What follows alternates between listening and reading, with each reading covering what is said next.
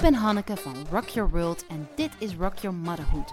Een podcastserie waarin ik bijzondere vrouwen interview en vraag naar hun dagelijkse selfcare rituelen. Hoe blijven zij overeind in de hectiek van alle dag? Hoe zorgen ze ervoor dat ze connected met zichzelf blijven om zo het maximale uit het leven te halen?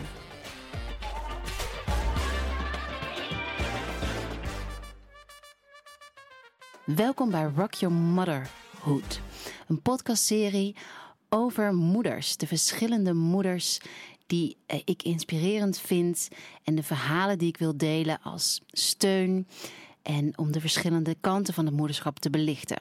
Vandaag spreek ik met Mayra Louise. Is uh, auteur van het boek Op je lijf geschreven. Ja. Wat afgelopen mei of april? Ja, uh, begin mei is begin mei. Gekomen, net na, net na jou. Net na mij. Ja. Uit is gekomen. Je bent blogger, journalist, moeder natuurlijk van een Ja. meisje van twee. Ja. En ehm, model had ik dat al genoemd. Ja, ik, ben, ja, ik doe nu niet echt meer veel modellenwerk. eh, maar ik heb sinds mijn negentiende wel heel veel modellenwerk gedaan. En eigenlijk sinds ik moeder ben geworden, ben ik dat minder gaan doen. Omdat eh, het is best wel veel geregel. Ehm, en eigenlijk vind ik het ook leuker om, als ik op de foto sta, dat het dan meer gelinkt is aan wat ik uitdraag. Dan dat ik gewoon model ben voor kleding, zeg maar. Ehm, dus ik ben er ook niet heel actief meer aan, in, aan het investeren. En hoe, laten we maar meteen beginnen. Ja, Met hoe ben je daar ingerold? het modellenwerk. Ja. Ehm, ik zag ooit op mijn zeventiende de eh, toen nog tv-show van Catharine Keil. Dat was een soort talkshow elke middag. Eh, en daar waren toen op een dag was daar een agent van een modellenbureau met een plus-size model. Nou, ik wist niet wat ik zag. Zoiets had ik nog nooit gezien. Ik was echt vanaf mijn nou ja, elfde of zo al helemaal geobsedeerd door magazines. Maar ik zag mezelf daarin nooit terug. En toen zat daar op tv ineens een model die nou, ongeveer mijn kledingmaat had. Ehm, dus toen heb ik na die show het modellenbureau gebeld. Dat hebben ze me het adres gegeven. En toen vervolgens durfde ik geen foto's op te sturen. Eh, maar anderhalf jaar later kwam ik dat briefje tegen. Dus toen ik inmiddels 19 was. En toen heb ik wel foto's opgestuurd. En toen ging het eigenlijk heel hard. Ik had, nou, ik geloof binnen vier weken al mijn eerste shoot in het buitenland. En eh, ik heb in Nederland voor zo'n beetje elke klant gewerkt waar ik voor kon werken. En, veel mogen reizen.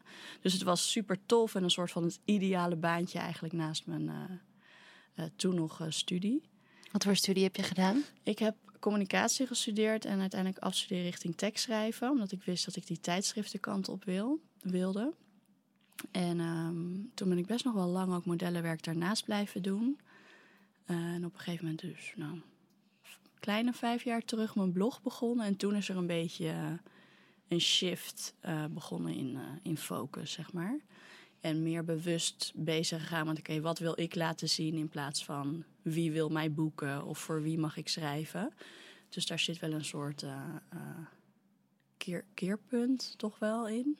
Ja, Ja, dat je het heft in eigen handen nam Ja, eigenlijk ja. van, want dit wil ik ja, ja. laten zien. Ik was heel lang echt zo van, oké, wat komt er op me af en wat brengt het leven me? En ik was minder bezig met wat kan ik zelf doen. En daar ben ik eigenlijk de afgelopen jaren steeds meer nou ja, ingedoken. En ik denk dat mijn boek en wat ik uitdraag op mijn Instagram en zo, dat ook wel heel erg laten zien. Niet eh, met een heel harde boodschap. Ik ben meer van een soort subtiliteit, maar wel, eh, ja, als ik naar mijn eigen leven kijk, dan is, dat, is het toch wel een grote verandering. Ja. En is dat, ehm, ik ben natuurlijk alles oh, oh, doe ik rondom selfcare. Ja. Is dat dankzij selfcare? Ja, ik ben eigenlijk rond mijn dertigste voor het eerst begonnen met... Ik ben nu 37.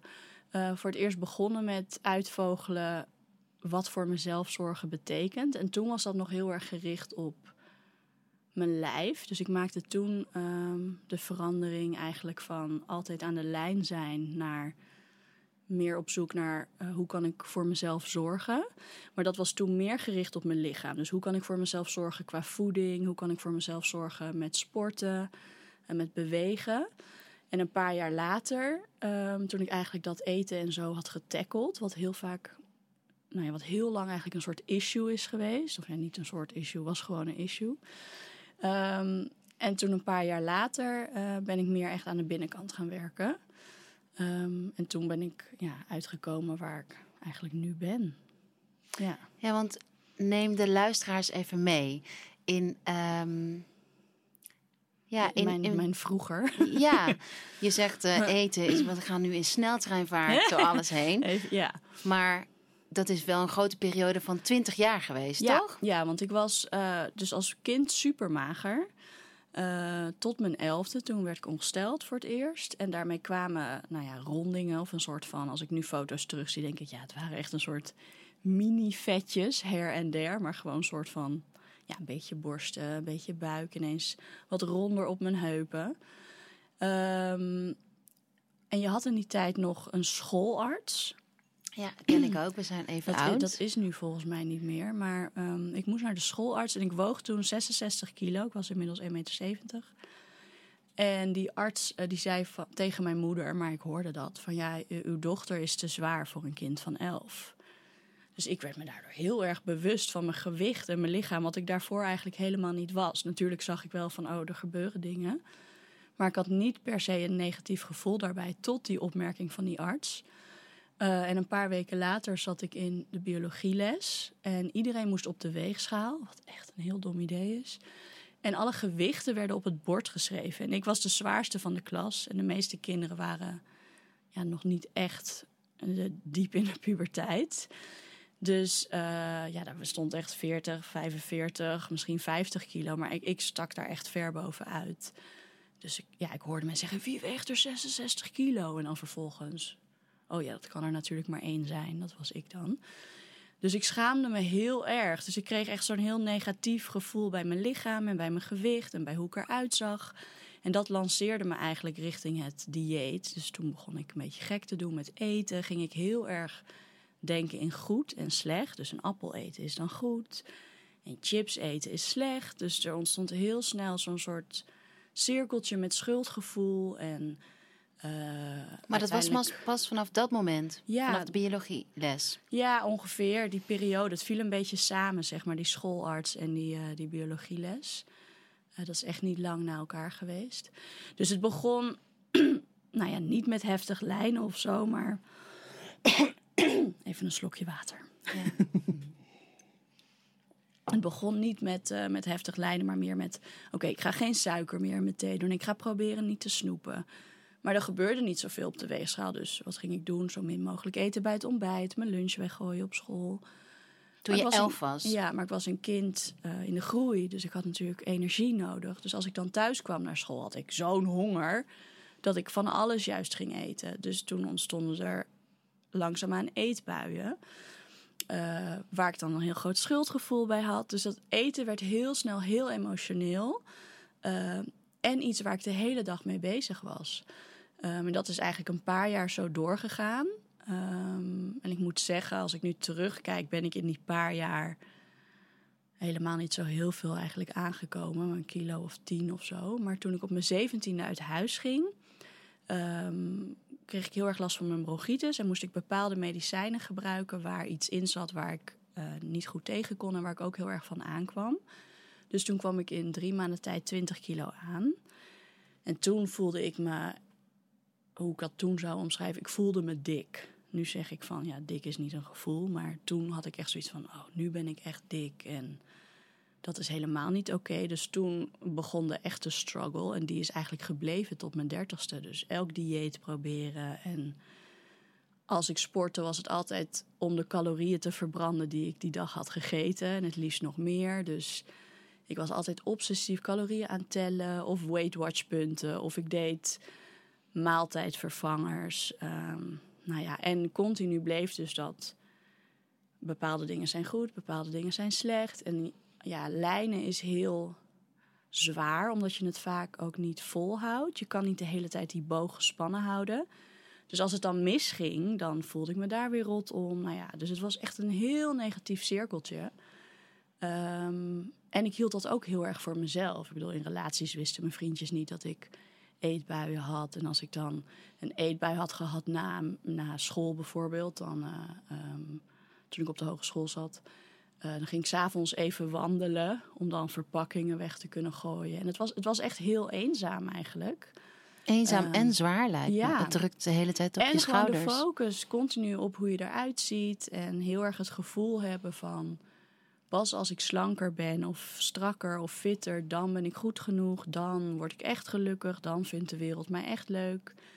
En ik had dan ook nog eh, eh, dat de omgeving, mijn omgeving me eigenlijk ook wel bevestigde daarin. Dus ik had bijvoorbeeld een relatie op een gegeven moment met iemand die dan ook zei van ja, ik vind het wel lekker om tegenaan te liggen, maar ik ga liever met een dunnere versie van jou over straat. En nu denk ik echt, wat?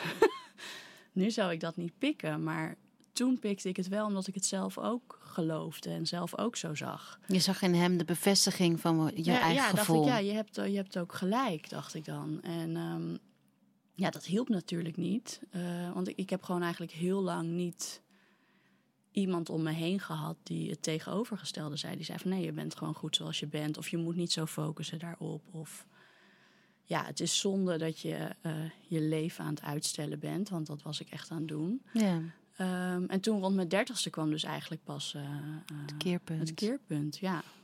Door het overlijden van je vader. nou ja, dat was het. M- eh, mijn vader is overleden ehm, in het jaar dat ik 30 werd. Het was april 2011 dat hij is overleden. Ehm, en hij was een man die altijd.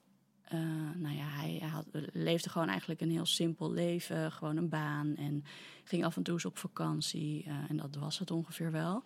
En ooit had ik aan hem gevraagd van... ehm, eh, ja, wat wil je eigenlijk... Wat zijn nog je dromen? Wat wil je nog doen? En toen zei hij, ja, als ik met pensioen ben... dan ga ik een wereldreis maken. En uiteindelijk is hij drie maanden voor zijn pensioen overleden. En toen dat gebeurde, had ik echt zoiets van... Aan longkanker, toch? Ja, aan longkanker. Ja, en dat was ook een heel korte periode, maar zes weken. Eh, dus dat ging allemaal gewoon bizar snel. Ehm, en dat was het eerste moment waarop ik dacht... Ik, ik leef een beetje zoals mijn vader. Misschien moet ik daar wat mee. Maar ja, ik ging eerst eh, een- natuurlijk een soort rouwperiode in. En een paar maanden daarna ging een relatie ook nog uit. Een lange relatie. Ik had toen een relatie van 6,5 jaar. Dus dat was gewoon een beetje een, een kutjaar. Een beetje- eh, een beetje eh, veel een waarschijnlijk. Beetje, een beetje veel. Eh, ja, met gewoon eigenlijk mijn fundament was heel erg wiebelig toen. Ehm, dus toen heb ik eerst even de tijd genomen om dat gewoon te laten zijn. En toen kreeg ik van een van de magazines waar ik toen eh, een tijd al voor schreef, eh, de aanvraag om hypnotherapie uit te proberen als afvalmethode. Nou ja, ik hoorde afvallen, dus ik was natuurlijk Op meteen aan. enthousiast.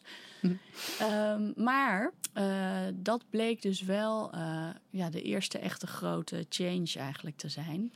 Want bij de hypnotherapie ging ik voor het eerst praten over het feit dat ik eh, eh, ja, issues had met eten. Dat ik altijd aan de lijn was, maar ook eetbuien had. Dat ik me heel erg schaamde. Eh, ik ging praten over de ervaringen die er eigenlijk toe hadden geleid. Dat ik zo negatief naar mezelf keek. Ehm, bepaalde dingen die ik in mijn jeugd heb meegemaakt. Eigenlijk van alles kwam aan bod. Was dat een eenmalige Nee, was ik, heb, een ik heb therapie? vijf sessies gehad, verdeeld over ongeveer 2,5 maand. Ehm, uiteindelijk ben ik niet echt onder hypnose geweest. Eh, maar ik moest heel veel visualisatieoefeningen doen. En eh, wat ik bijvoorbeeld, het klinkt misschien heel vaag voor een luisteraar, maar eh, als we dan in een kamer zaten die ongeveer zo groot was als eh, deze ruimte. Niet zo Eh, groot. Niet zo heel groot. Dit is, wat is het, twee bij eh Drie, vier. Ja. Dan moest ik aangeven hoe dichtbij ik een emotie voelde. En in het begin waren ze echt zo'n soort van op mijn neus. Het voelde echt heel zwaar om eraan terug te denken.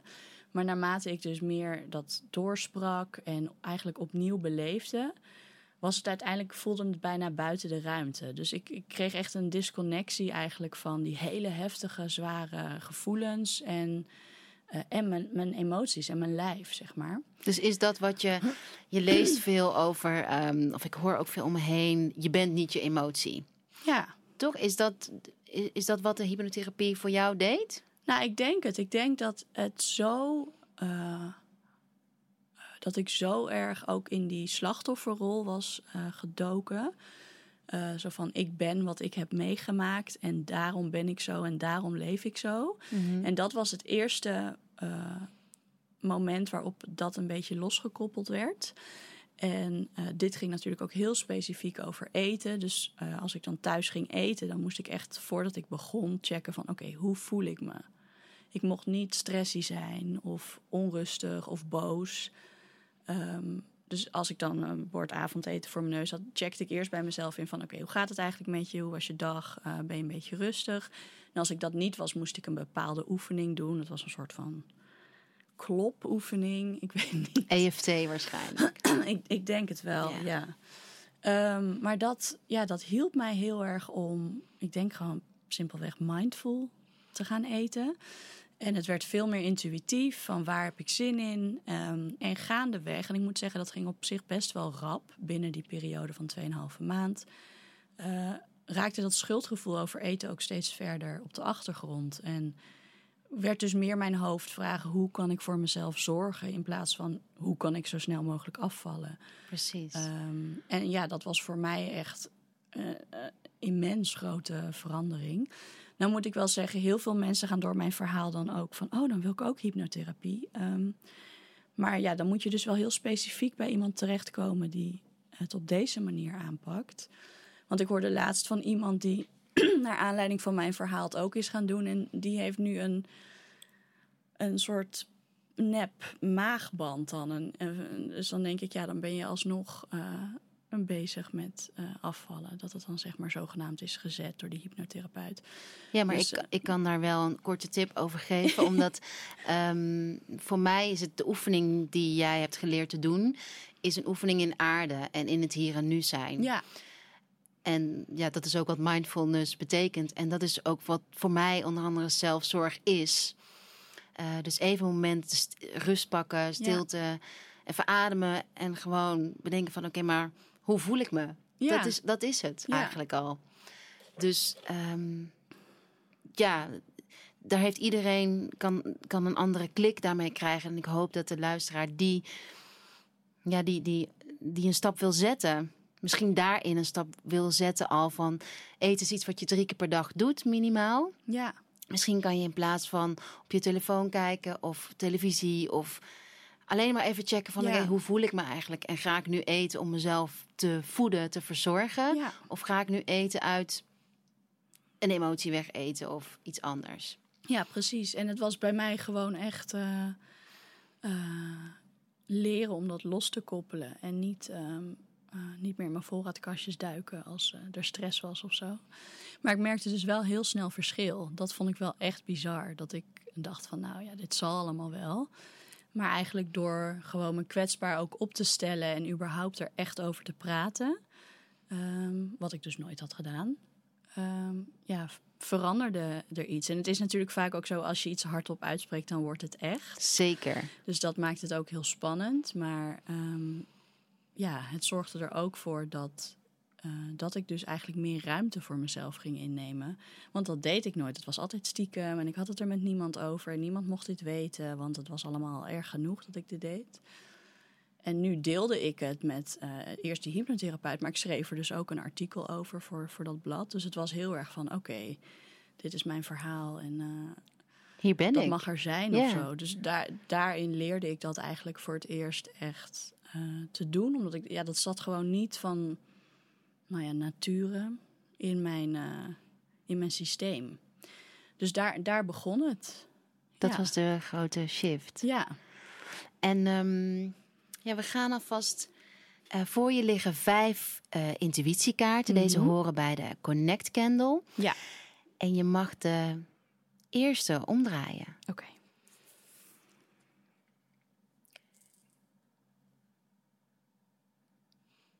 Moet ik nu zeggen wat er staat? Ja, Er staat peace. ehm, En close your eyes. Think of the ocean. Let the rhythm of the water wash away your sorrow and set your soul free. en wat is het eerste waar je aan denkt bij het woord peace? Ehm, ja, heel letterlijk eh, rust zelf ervaren. Ehm, en het is natuurlijk wel, het sluit heel erg aan op waar we het net over hadden. Ehm, want toen ik dus die, die issues met eten aanpakte, ehm, kwam er ook eigenlijk meer rust. Oh, in elk geval gaf ik een hele grote strijd in mijn leven, zeg maar, op. Die er normaal uh, continu, eigenlijk continu was. Ik wil zeggen dagelijks, maar hij was er gewoon elke, elke wakkere minuut van de dag. Want als ik wakker werd, was het al meteen: oké, wat mag ik eten? Wat ga ik eten? Wat wil ik eigenlijk eten? oh, dat mag niet. Nou ja, dat. En zo ging het de hele dag door. Dus toen dat wegviel, kwam er heel veel ruimte in mijn hoofd. Ehm, eh, en daarmee ook dus ruimte voor mezelf. Ehm, en nu uh, als moeder is uh, rust weer heel anders. ja. Um, maar ik ben eigenlijk nu pas net, ik denk echt de laatste maand of zo, heb ik het gevoel dat, dat ik weer een beetje begin te aarden en een beetje het overzicht weer krijg. Uh, want de afgelopen twee jaar, uh, die kleine wordt, uh, ik weet niet wanneer deze podcast precies verschijnt, maar ze wordt halverwege juli twee. Um, en, en ja, gewoon vanaf mijn bevalling was het echt wel even pittig. Gewoon zo anders. En het was natuurlijk mijn eerste kindje. Um, en toen kwam mijn boek nog even tussendoor, wat ook een heel intensief proces is geweest. Um, dus ik heb eigenlijk nu pas weer ik denk, oh ja, ik voel me weer een beetje verbonden met mezelf. En het lukt me beter om wat bewuster met mezelf uh, aan de slag te gaan. Want ik ben zo iemand die niet uh, kost wat kost alle ballen hoog houdt, maar die gewoon een paar dingen dan laat vallen.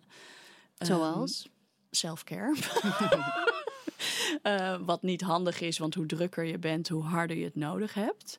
Um, maar ik, ik, ja, ik vond dat gewoon wel lastig om, uh, om dat voor elkaar te krijgen erbij. Uh, dus ik heb wel van alles uitgeprobeerd. Maar als het dan niet lukte, dan dacht ik, nou ja, dan is het er maar even niet of zo. Um, maar nu, de afgelopen maand, denk ik weer: oh ja, ik ga even een wandeling maken. Uh, ik ben weer begonnen met sporten. Uh, ik ga weer wat bewuster naar mijn eten kijken. Het was gewoon een tijdje echt van: oké, ik moet vandaag zoveel dingen doen. Ik ga dat gewoon proberen. En als ik er dan nog wat voor mezelf bij kan doen, is het heel fijn. Maar als je er geen prioriteit van maakt, dan it's not going to happen. En maar in die zin is dat ook self-care. Ja, dat is, dat is ook zo. Alleen je, ja, als het dan vervolgens anderhalf jaar uh, uh, eigenlijk iets te weinig over jou gaat, um, ja, dan woon je jezelf wel gewoon uit. Voelde je dat ook in je lijf? Ja, ik had echt gewoon een soort van ja, heel fysieke klachten kreeg ik. Ik, ik had echt uh, uh, nou ja, heel erg stress, een beetje hartkloppingen af en toe. En ik heb ook periodes gehad dat ik een soort braakneigingen kreeg. Gewoon echt iets met een grens waar ik overheen ging. Dus dan hoefde ik niet echt over te geven. Maar dan was er een soort van wordt letterlijk gewoon niet goed van hoe ik nu bezig ben. Mm -hmm. um, en dat hield wel op toen mijn boek inmiddels, toen het naar de drukker ging. Toen, toen, het was gewoon ook heel spannend allemaal natuurlijk. Zeker. Um, en het, ja, mijn boek is zo, zo mijn persoonlijke verhaal. Dat het natuurlijk ook wel een dingetje is om dat zo de wereld in te uh, gooien. Ik, doe, ik, ik deel natuurlijk altijd al kleine stukjes, maar dat dat voelt toch iets, iets gecontroleerder of zo.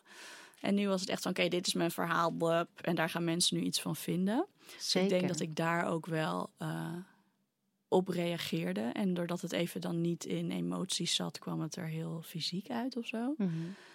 um, maar ja, ik merk dus echt de laatste maand weer, weer een verandering. En dat ik ook meer rust voel uh, bij mezelf. En uh, dat ik ja, weer heel bewust bezig ben. Oké, met wat heb, ik, wat heb ik vandaag nodig? Hoe voel ik me? Wat kan ik doen voor mezelf? En als ik vandaag wat minder tijd heb voor die, voor die self-care momentjes, uh, wanneer komt dat dan wel deze week?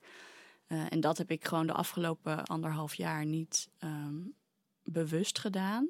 Maar ik miste het wel heel erg. Um, maar ja, soms kan het dan ook als een enorme stap voelen om weer uh, ja, in die groove te komen daarmee. Omdat uh, hoe langer je het niet doet, hoe groter die drempel of zo dan voelt. Mm -hmm. um, maar ja. En wat was dan de switch waardoor je wel weer de cirkel kon doorbreken en wel weer de zelfzorg uh, kon oppakken? Nou, ik denk. ik moest laatst mijn. Of ik moest. Ik ging laatst mijn eigen boek inspreken voor de luisterboekversie. En ehm, ik had dan een paar keer tegen mezelf gezegd: van ja, maar ja, iedereen is nu je boek aan het lezen. Je moet misschien even practice what you preach. Maar toen ging ik het boek dus voorlezen. Dus ik hoorde gewoon alles wat ik had geschreven hardop. En toen dacht ik, na elke sessie dat ik er weer was geweest, dacht ik: ja je kan dit niet uh, tegen mensen zeggen en het zelf niet weer gewoon echt gaan doen. Dus ik denk dat dat eigenlijk mijn, mijn trigger weer was van oké, ga, ga dit doen, je hebt dit nodig. En, uh, en ik merkte ook dat ik uh, heel erg begon te missen hoe, hoe ik me eerder voelde. Um, en doordat ik zeg maar in de tijd nadat ik moeder werd en dat boek kwam heel snel, ja, ik, natuurlijk wilde ik dat doen. Maar ja, moeder worden is zo overweldigend. En ik denk dat menig, uh, menig een zichzelf dan even een beetje kwijtraakt. Um, en als er dan weer zo'n groot project meteen bij komt, is het, ja, dan, dan is het lastig om dan te zeggen: Oh ja, ik moet nu eerst even terug naar mezelf. En want je wil dat dan ook doen. Ja. Um, dus ja, ik denk nu, nu het boek er ook gewoon is en nu ik er zelf niet uh, meer mee bezig ben actief qua schrijven, dat er weer wat ruimte vrij is gekomen um, waar ik dan uh, ja, iets mee kan. Ja, zeker. Ja. En de bevalling? Hoe was de bevalling? Nou, die was echt heel, heel goed. Ik moet zeggen, ik heb een heel makkelijke uh, zwangerschap gehad. Voor zover ik dat zelf natuurlijk kan beoordelen. Maar uh, mijn klachten waren echt minimaal, alleen een beetje last van mijn onderrug. Um, en mijn bevalling uh, ja, was ook voor mijn gevoel uh, ja, goed te doen voor een bevalling. uh, hij was vrij snel. Ik werd om zes uur s ochtends wakker en toen voelde ik iets waarvan ik dacht: zijn dit weeën? Ik weet het niet. Um, en toen rond twaalf uur kwam de verloskundige. En die, die ging toen even um, kijken wat, ze, wat de status was. En toen zei ze, nou, het zit nog potdicht. Dit uh, wordt niks. En dat was precies de verloskundige van, van mijn praktijk... Die, uh, waarvan ik hoopte dat ze mijn bevalling zou doen. Um, en toen zei nou, dat wordt niet mijn dienst, hoor. En toen was ze weg, maar ze had natuurlijk even getoucheerd. En ik zat echt binnen en uh, ja, we maken hier nu vingerbewegingen. um, uh, ik zat echt binnen een half uur gewoon tegen het plafond. Maar omdat zij zei van nou, dat wordt niet mijn dienst, dacht ik, dit, dit is pas het begin. Um, maar goed, ik kon al heel snel gewoon niet meer stilzitten en uh, uh, mezelf rustig houden. Dus om half drie had mijn vriend weer gebeld van nou, je moet toch maar weer even langskomen. En zij dacht, nou, doe rustig aan. Dus toen was het er om tien voor vier en toen deed ze weer een check. En toen was het oké, okay, je hebt zes centimeter ontsluiting. Uh, als je het ziekenhuis nog wil halen, dan, uh, dan moeten we nu gaan. En ik woon midden in het centrum van Amsterdam. En het was dus hoogzomer. Dus alle terrassen beneden bij mijn huis zaten vol. en ik moest met de taxi. Um, dus uh, ik weet niet hoe ik bij die taxi ben gekomen. Maar en ik, ik weet nog wel hoe de taxichauffeur keek. Zo van, je gaat niet in mijn auto bevallen, toch? uh, en toen reed hij ook nog soort van verkeerd. Maar mijn, ik, ik, merkte aan mijn vriend dat er zeg maar iets, een soort van irritatie was van, wat doe je? Maar hij wilde natuurlijk dat ik rustig bleef. Uh, maar we kwamen om 16 uur 58 aan in de bevalkamer. Um, en om 1747 was ze geboren. Dus het ging echt heel erg snel. Um, ik ben daar nog even gaan douchen. En toen op een gegeven moment maakte ik blijkbaar bepaalde geluiden... waarvan mijn verloskundige zei... je moet nu terug naar het bed. Persen. Um, en toen was het inderdaad 10 centimeter ontsluiting. Uh, en toen mocht ik persen. En toen kwam die Ring of Fire. oh my god. ik, ik weet, ik, nou, een vriendin had gezegd het brandt een beetje, maar mm, een beetje een veel, beetje vond ik een understatement. Maar ik voelde op dat moment helemaal niks meer, alleen maar dat brandende gevoel.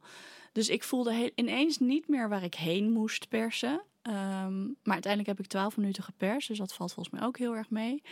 Ehm, en toen kreeg mijn vriend, uh, nou ik denk op, op tien minuten perstijd ineens werd hij een beetje, ik moet heel even plassen. Toen dacht ik echt, oh god, je miste, je mist het.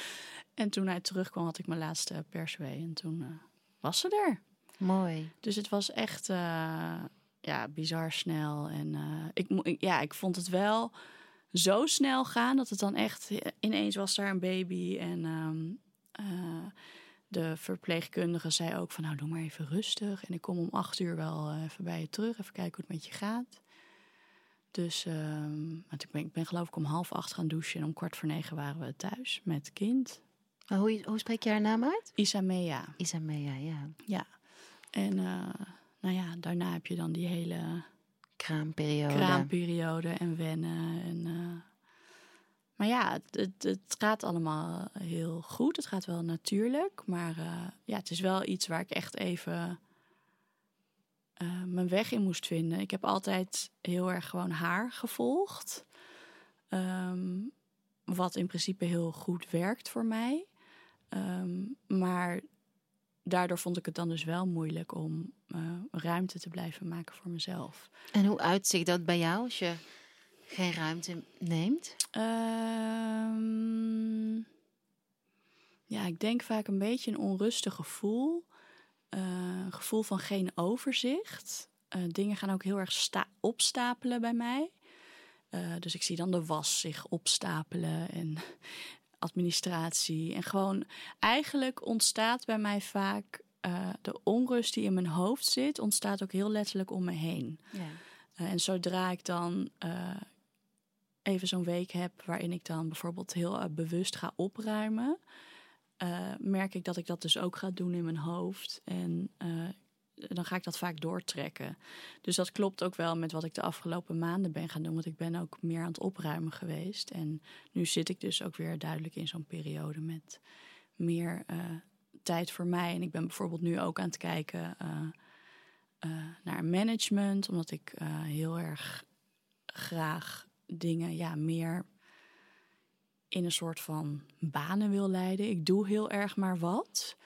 En ik denk dat dat heel erg zonde is. Um, dus ja, ik merk wel dat ik dus echt weer stappen aan het zetten ben. Terwijl ik uh, de afgelopen jaren het heel erg heb laten zijn of zo. En ook dacht van oké, dat boek wil ik doen. En daar ga ik mijn energie in stoppen. En nu is het weer van oké, what's next. En dat wil ik dan gewoon goed aanpakken. Het is eigenlijk hetzelfde wat je bij je blog hebt gedaan een aantal jaar. Je gaat nu weer de leiding nemen over je eigen ja, leven. Ja, precies. Het, het zijn echt een, het lijkt een beetje een soort stuiptrekkingjes of zo. Ja. Dat, het dan, dat ik het dan even zo laat zijn. En dan op een gegeven moment denk ik, oké, nu... Tot hier en niet verder. Moeten we weer even ja. in de actie. Nou, dat is heel herkenbaar. Ja. En uh, om terug te gaan naar het kaartje Peace. Ja. Wat ik uit je verhaal begrijp, is eigenlijk dat je door opruimen en overzicht creëren, krijg je rust. Ja, het is ook. Ik uh, volg, uh, ik weet niet of je haar kent, Janne Schuin. Uh, zij is mindset uh, mentor. En zij noemde in haar Insta-stories een tijdje terug dat ze een losse eindjeslijst dan maakt. Ja. dus eigenlijk alles wat dan open staat, gaat ze gewoon even opschrijven. En kijken van oké, okay, wat moet vandaag, wat kan ergens deze week, wat kan over drie maanden nog. Maar gewoon alles wat je hoofd eigenlijk onrust Alle geeft. tabbladen die openstaan, ja, gewoon alles sluiten. even opschrijven. En voor mezelf heb ik daar dan ook nog aan toegevoegd dat ik de tijd toevoeg. Uh, dat ik ermee bezig ga zijn. En dat soort, ja, het is gewoon super simpel. Maar voor mij helpt dat dan heel erg om soort van te zien van, oh ja, dit is waar je iets mee moet. Dit is wat je voor nu even kan parkeren. En Um, ja, ik vind dat soort super praktische tips altijd heel erg, Zeker. heel erg fijn. Ja. Oké, okay, tweede kaartje. Ja. Joy. Ja. Wat, wat geeft jou joy? Um, het is het eerste wat in je opkomt. Ja, mijn dochtertje natuurlijk. uh, sowieso tijd met, met het gezin, dus met mijn vriend. En hij heeft natuurlijk ook al twee zoontjes, die waren er al. Dus um, soms is het een gezin van vijf en soms van drie. Um, dus die tijd samen is super leuk. Ook om te zien hoe die kids met elkaar zijn. Dat is echt, uh, ja, dat is gewoon heel bijzonder. Um, dat mijn dochtertje eigenlijk al, nu al broertjes heeft.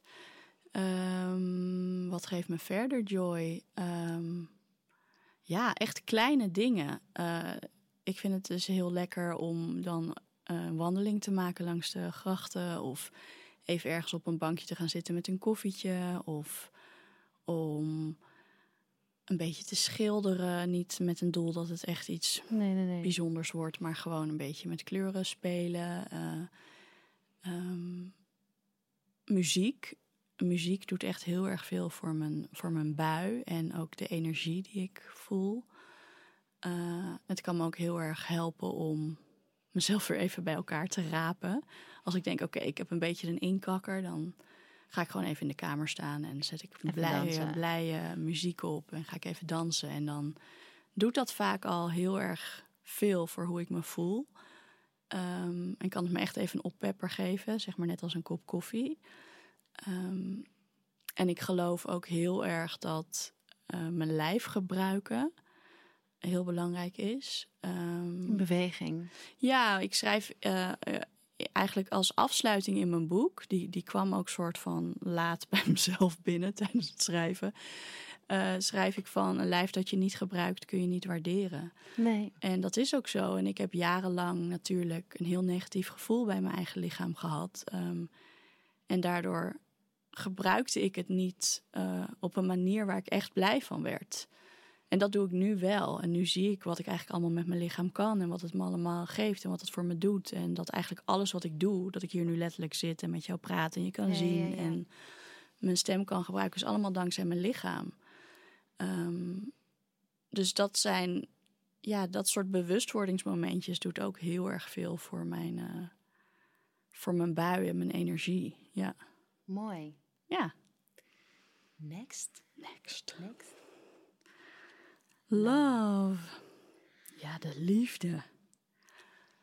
Ja, ehm, waarbij ik denk natuurlijk meteen aan mijn vriend en mijn kind, mijn, kind en de boys ehm, en mijn vrienden, mijn familie, maar ook wel eh, aan mezelf, omdat ik nu ook ehm, veel liefde voor mezelf heb en gewoon weet dat ik er mag zijn en vroeger dacht ik van, ja, je bent niet goed genoeg en je bent dingen niet waard en je moet veranderen voordat je er echt mag zijn. En nu weet ik gewoon dat het goed is zoals het is en dat het ook prima is als er wel iets verandert, maar dat dat niet het uitgangspunt is.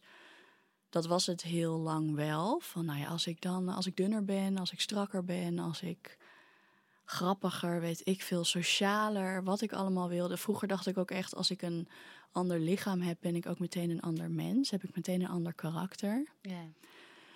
Nou, newsflash. je blijft Ain't gewoon hetzelfde.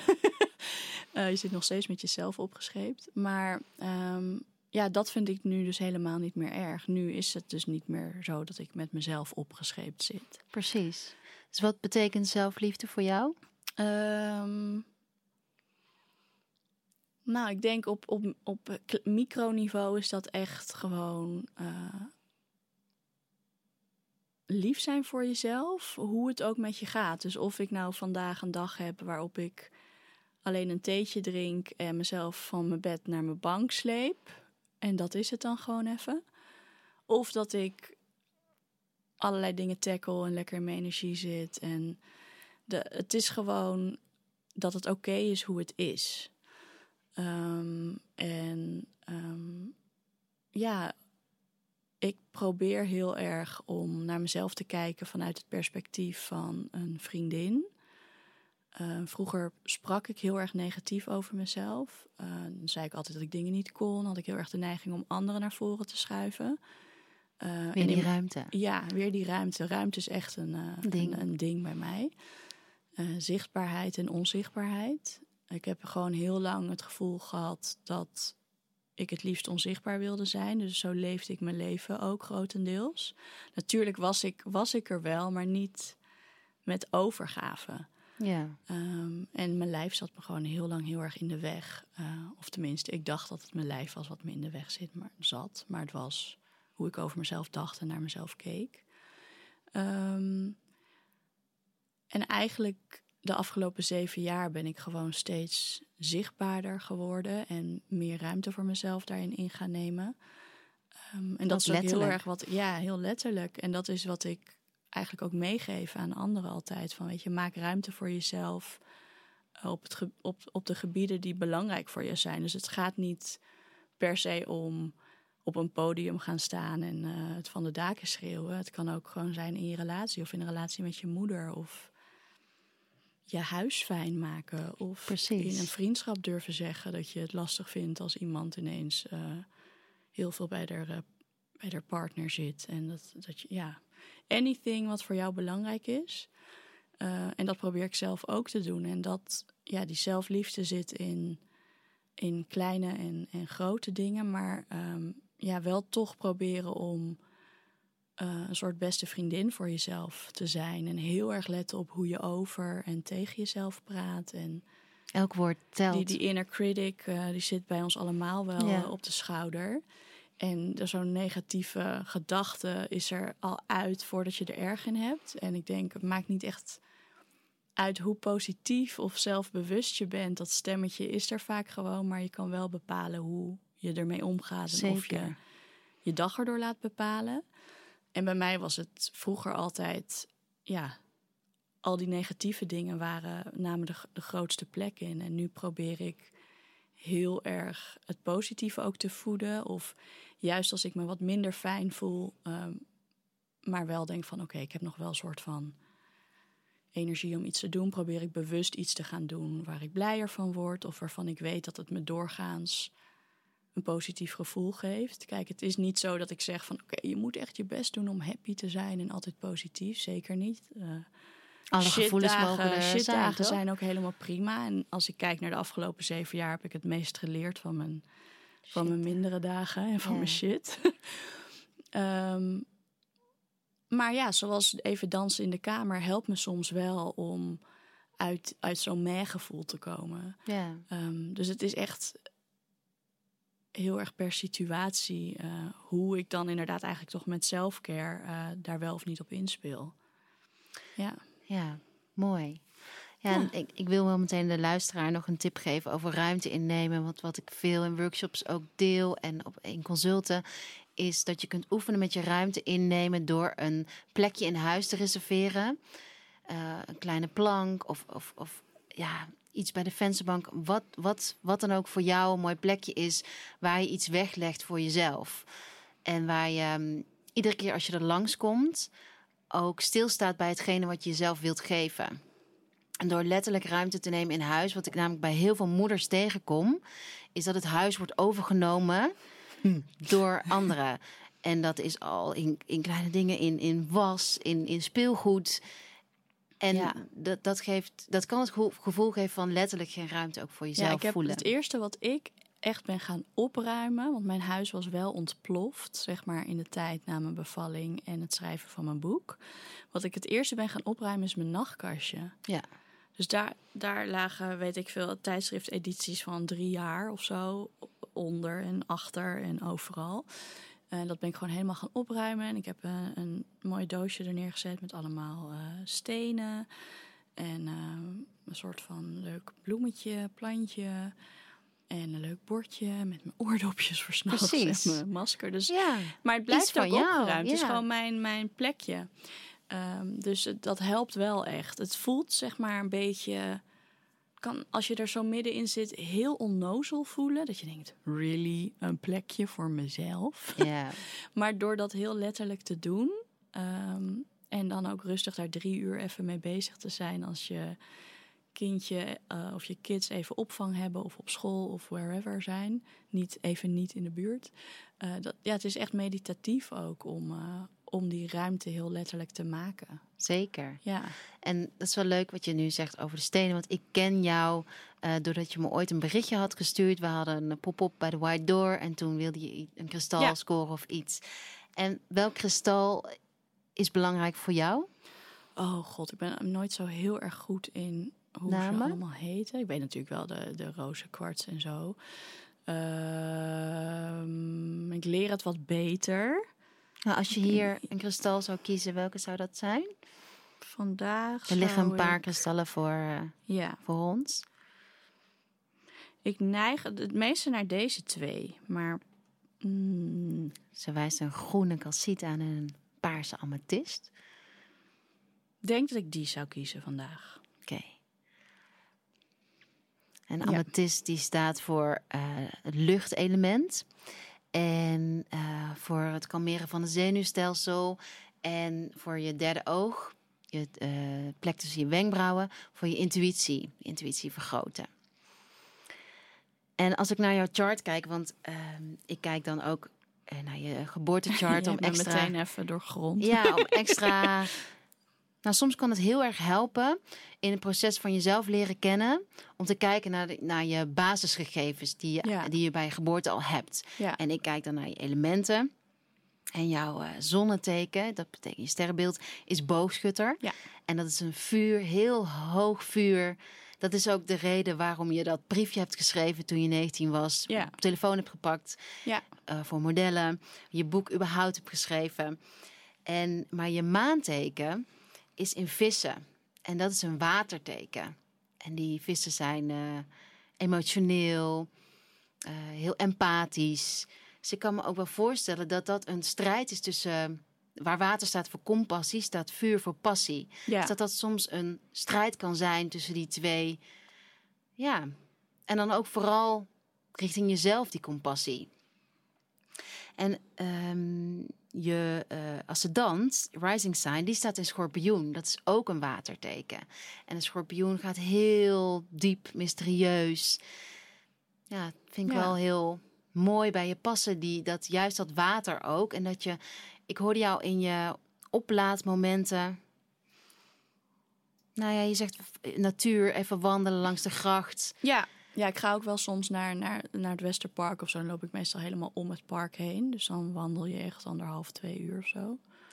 En, en toen ik jouw gegevens aan het opschrijven was, toen hoorde je me ook zeggen van, aha. Ja. Want wat superleuk is, we zitten nu, het is eh, eind juni. We zitten in het seizoen van kreeft. We zijn net overgegaan van tweeling naar kreeft. En kreeft is een waterteken. Ja. Je dochter is ook een kreeft, Ja. is een waterteken.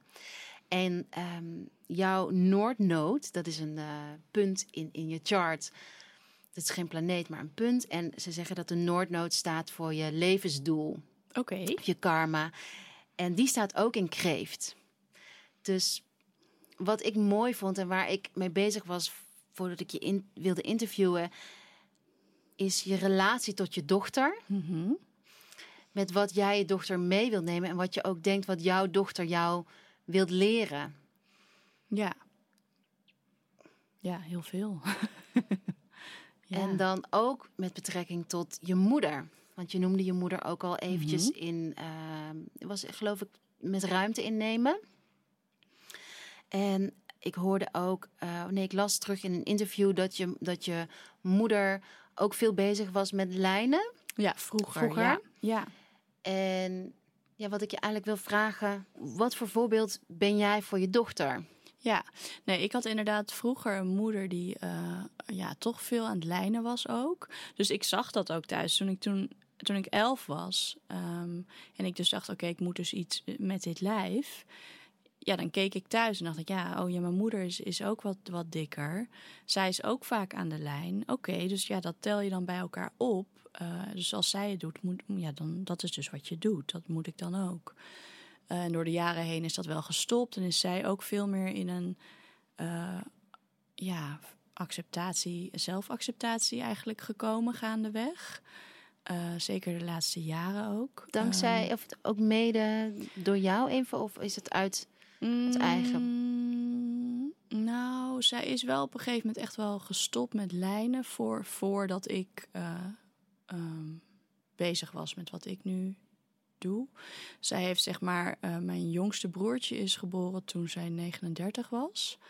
Eh, en kort daarna ehm, bleek ze eh, vleesbomen heel heftig te hebben, moest de baarmoeder eruit. En dat heeft heel veel gedaan voor hoe zij in het leven stond. Voor, ik, ik weet nog dat ik toen als kind dacht: van, ik heb gewoon een andere moeder nu. Wie is deze vrouw? Ze werd heel duidelijk en ging veel meer ruimte voor zichzelf innemen. En heel. Nou ja, ik wist niet wat me overkwam. Ik dacht echt, wat? Wa- Ze gaat ineens eh, alleen op vakantie met vriendinnen weg. wat gebeurt er allemaal? Ehm, maar in de, ik denk, 10, 15 jaar daarna heeft ze ja, dat, dat lijnen ook losgelaten. Ging ze zich ook anders kleden, veel meer kleur dragen. Ze ging weer veel meer schilderen. Um, ook zichzelf laten zien. Zichzelf laten zien. Na het overlijden van mijn vader is zij uiteindelijk ook hertrouwd. Ze heeft nu een nieuwe man.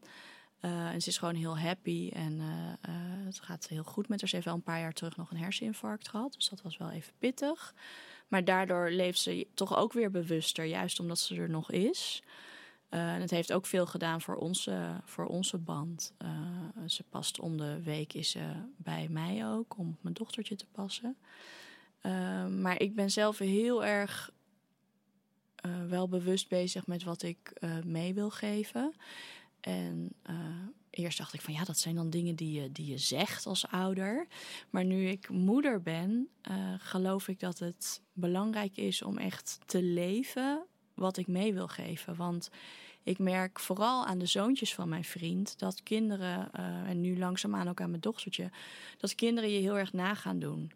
Um, dus als ik positief over mezelf praat, of in elk geval neutraal. Ik snap dat het voor sommige mensen moeilijk is om bijvoorbeeld positief over hun lichaam te praten. Dat kan een enorme stap zijn. Maar als je in elk geval op neutraal terrein kunt komen en dat je niet voor de spiegel gaat staan en aan je vetjes gaat staan trekken. Of dat je zegt van nou mama, kan ook niks of mama doet het nooit goed. Dat is wat je kinderen opslaan en dat is wat je ze meegeeft. Dus ik kan duizend keer tegen die kids zeggen: je bent goed genoeg, je mag er zijn, je bent belangrijk. Maar als ik zelf niet zo leef, ja. Dan gaat het niet landen. Dus uh, dat is ook waarom ik nu denk van oké, die kleine wordt echt duidelijk bewust van haar omgeving. Um, ik denk dat dat ook wel een trigger was voor mij. En, um, ja, een maand of twee terug. Dat ik dacht van oké, ik wil echt weer aan de slag met voor mezelf zorgen. Want ja, dat, dat krijgt zij gewoon mee. Dat is, op die manier ben ik haar voorbeeld. Dus natuurlijk zal ik van alles tegen haar zeggen over dat ze er mag zijn en dat ze uh, de wereld waard is. Maar ik moet het meer gewoon letterlijk laten zien. Um, en ja, dat is, dat is ook wat. Ik krijg die vraag natuurlijk vaker: van hoe doe je dat dan als moeder? En wat zou je tegen andere ouders willen zeggen? En ik geloof echt dat het, dat het wel belangrijk is om bijvoorbeeld ja, heel erg uit te kijken met dieetcultuur in huis. Uh, dat de kinderen gewoon de joy of a movement, als we het over joy ook nog hebben net. Uh, dat het plezier van bewegen en je lijf gebruiken. Dat je niet je lijf gebruikt om calorieën te verbranden. En ik denk echt dat het ongezond is om dat soort dingen aan kindjes mee te geven. Uh, want je wil helemaal niet dat een kind bezig is met... oh, ik moet nu heel hard gaan rennen omdat ik net een donut heb gegeten of zo. Nee. Um, dus uh, dat zijn wel dingen die ik in mijn achterhoofd houd. Van, weet je, hoe praten we over eten? Uh, de kinderen betrekken bij het koken. Um, maar ook niet zeg maar bang zijn om ze een keer iets te geven waar, waar suiker nee, nee. in zit of zo. Dat, ja, of om chipjes te eten. Dat, dat, dat mag gewoon. Precies. En niet dat, ja, ik had als, toch als tiener al heel snel van, oh ja, dit, dit is dan Slecht, eigenlijk niet ja. goed. Uh, ik wil wel heel erg proberen om dat niet door te geven. Kijk, je weet niet wat er in een omgeving nog gebeurt, wat ze op school allemaal gaan meekrijgen. Maar ja, je kan wel heel uh, goed letten op wat je thuis uh, uitdraagt. Zeker. Ik vind het ook zo mooi dat je dankzij je boek en dankzij alles wat je deelt op Instagram ook een heleboel andere vrouwen inspireert om vanuit daaruit je zet ze aan het denken. Ja. Dat is prachtig. Ja. Oké, okay, de next. Trust. Ja, vertrouwen. Um, dan denk ik wel het eerste aan vertrouwen in, in mezelf of op mezelf. Um, ja, en dat geeft me dan eigenlijk dus weer heel veel rust. Dus eigenlijk dan weer die eerste. Um, ja, vertrouwen, zelfvertrouwen. Maar ook een beetje in, in het leven of zo. Dat dingen wel uh, hun weg vinden. En kijk, vroeger had ik altijd zoiets van... ja, oh, dingen komen wel goed. Of uh, uh, ik had dan heel erg een beeld bij wat, wat goed dan was. En de afgelopen jaren heb ik wel veel geleerd dat het in de praktijk dan een, dat goed er anders uitziet dan wat ik dacht. Als je dacht dat het goed was. Maar niet uh, slecht dan of zo. Niet, niet, nee, niet slechter, maar gewoon anders. En um, dat geeft me wel rust. Kijk, ik ben wel iemand die dan. Eh, vroeger zei ik heel vaak, ja, het komt wel goed. En nu denk ik dan, nou ja, het, het is meer, het vindt ze weg wel of zo. En ik kan er vertrouwen in hebben. En, en mijn vertrouwen zit bij mij eh, eigenlijk het meeste in mijn veerkracht. Eh, als ik kijk naar mijn eigen ontwikkeling, dan is dat iets wat altijd weer terugkomt. Dat ik ehm, vroeger heel erg gebukt kon gaan onder hoe ik me voelde. En het idee had van, nou, kom nooit meer overeind. Maar eigenlijk kom ik altijd wel weer overeind. Eh, en daar zit ook heel erg mijn groei in. Dat ik weet dat dat er is. En ook als dingen minder gaan, dat ik weet van... Ja, maar ik heb mijn resilience en Precies. uh, ik sta wel weer op. En daar, daar haal ik mijn groei uit, maar ook mijn zelfvertrouwen vaak. En um, ja, dat, dat, dat ja, is heel erg een soort van boost altijd weer voor mijn eigen waarde. Um, dus dat is eigenlijk heel erg belangrijk voor mij. En ik denk dat ik daar het meest aan denk als je het hebt over vertrouwen. Ja. Mooi. En de laatste? Intuition. Ja, die hoort bij de steen, de amethyst die je net pakte. Ja. En het is ook hetgeen wat je... In jouw chart heb je heel weinig lucht in je. Dus je hebt van nature weinig beweging in je. Nou ja, dat zeg ik niet goed, omdat je wel water... Maar als ik denk aan ruimte en lucht, ja, ik kan me wel voorstellen. Herken je dat intuïtie iets dat je het lastiger vindt om bij intuïtie te komen? Um, ja, soms wel. Ik kan heel erg wikken en wegen of zo. En vroeger was ik dan heel erg bezig met wat vindt iemand anders. Ging ik heel erg advies vragen aan anderen, omdat ik het moeilijk vond om zelf keuzes te maken. Maar de laatste jaren ben ik wel meer connected met mezelf. En daardoor ook met mijn intuïtie. Um, dus ik heb ook wel heel veel keuzes gemaakt uh, op basis van mijn intuïtie. Bijvoorbeeld met mijn, mijn vriend toen hij in mijn leven kwam. En uh, met mijn boek. Ik moest een gegeven moment kiezen tussen twee uitgevers. Dat was ook even lastig. Um, maar ja, dan ga ik wel uit van mijn intuïtie. En ben wel tevreden met waar mijn intuïtie me brengt, zeg maar. Ja. Ik heb niet het gevoel dat het dan... Um, ja, niet goed is gegaan of zo. Dus, maar ik ben wel, ik kan me heel erg uh, laten uh, afleiden door mijn hoofd. Dus dat ik dan niet zo uh, dicht bij dat buikgevoel ben. Terwijl als je dan terugdenkt, vaak wist je het eigenlijk meteen. Um, dus het is meer, denk ik, dat, um, dat er een stukje uitdaging zit op echt keuzes maken op gevoel en niet op Verstand. ratio. Ja. Ja, dat is ook wel heel erg. Want ik heb echt een neiging om uh, heel erg te gaan uh, analyseren en uh, voor's en tegens. Het is dat vuur in je. Ja. Het perfectionisme. maar dan kan ik ook dus heel erg verdwaald raken in gedachten.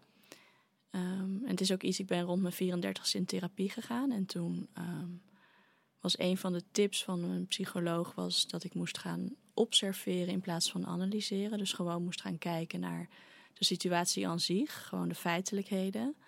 In plaats van gaan denken voor vaak voor een ander. En Ruimte. daar dan compleet uh, in de knoop uh, raken. Dus dat soort uh, oefeningen helpen me ook wel om dan gewoon van mijn buikgevoel uit te gaan. Goed zo. Ja. Ik wil afsluiten met, weet je wat je naam betekent? Heb je het opgezocht? Ooit? volgens mij ja, is Mayra Maria in... Um, uh, ja, het is volgens mij een naam die veel voorkomt in Zuid-Amerika. Dus ik weet eigenlijk alleen dat dat uh, de soort van vrije vertaling is. Uh, maar verder geen. Ik heb het opgezocht. Okay. Het betekent beeldschoon. Nou, dank je. Ja, dat vond ik leuk. En Louise betekent strijder. Ik ga even spieken hoor. Ja, Mayra betekent beeldschoon en Louise betekent beroemde krijger. Nou.